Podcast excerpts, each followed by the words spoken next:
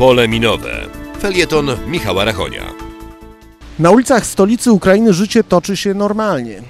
Ludzie chodzą do pracy, spotykają się z przyjaciółmi, wieczorem wychodzą do knajp, popijają wino, spotykają się ze znajomymi.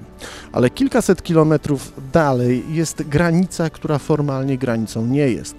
To granica pomiędzy terytorium, które okupuje Federacja Rosyjska, używając do tego tak zwanych separatystów. Ci separatyści w istocie są po prostu agentami, ludźmi, którym polecenia wydaje Władimir Putin i jego państwo, ale dla potrzeb propagandowego spektaklu prowokacji nazywani są właśnie przywódcami albo żołnierzami tak zwanych republik ługańskiej czy donieckiej. W istocie nie są to żadne republiki, to po prostu część kontrolowana i okupowana przez Federację Rosyjską. I to właśnie ta część terytorium Ukrainy jest obiektem, celem przedmiotem większości prowokacji, jakie są w tej chwili głównym elementem stosowania przez Federację Rosyjską presji na Ukrainę i na państwa Zachodu.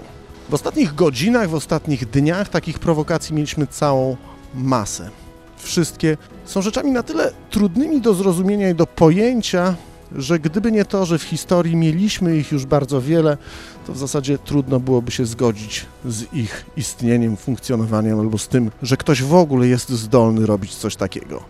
No bo umówmy się, bombardowanie przedszkola czy wystrzeliwanie moździerzy w stronę przedszkola to naprawdę coś, co w cywilizowanym świecie nie powinno się zdarzyć, a jednak zdarzyło się w Europie całkiem niedawno. Strzelanie z granatników do szkół, w których uczą się dzieci i pracują nauczyciele, również nie jest czymś, co rozumiemy jako prowadzenie wojny czy sporu politycznego. A jednak coś takiego się wydarzyło. W ostatnich dniach również ataki na konwoje humanitarne stały się częścią arsenału politycznego.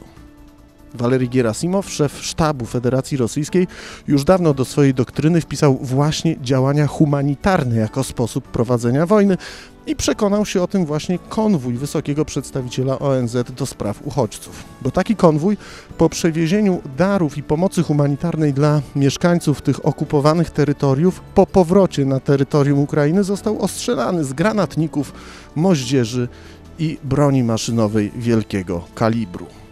Ale to nie jedyne prowokacje, z jakimi mamy do czynienia. Są również prowokacje o charakterze czysto politycznym. Jedna z nich to na przykład wezwanie samozwańczych władz tego regionu do tego, aby mieszkańcy tych okolic ewakuowali się na teren Federacji Rosyjskiej, do Rostowa, ponieważ Ukraina szykować ma ofensywę na te regiony.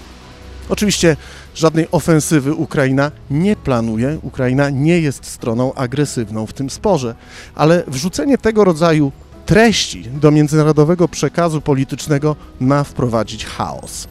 Bo chaos jest celem tej prowokacji. Spowodowanie, żeby to Ukraina wystrzeliła strzały, które Federacja Rosyjska i Władimir Putin będzie mogła przedstawić jako rzekomą agresję. Powód, dla którego Rosja musi wkroczyć, żeby chronić ludność cywilną. Znamy to z historii bardzo dobrze. Ale jeśli komuś wydaje się, że to są sprawy, które nas nie dotyczą, które nie dotyczą nas w Polsce, to niestety nie ma racji.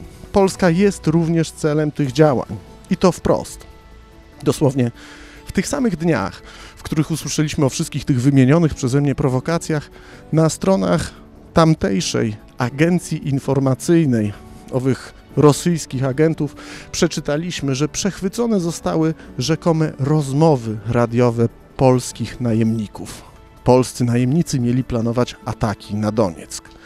A to oznacza, że nie tylko Ukraina jest obiektem tego rodzaju ataków, ale również wszystkie inne państwa, które mają czelność nie grać w orkiestrze, którą dyryguje Władimir Putin. Prosto z Kijowa, Michał Rachoń.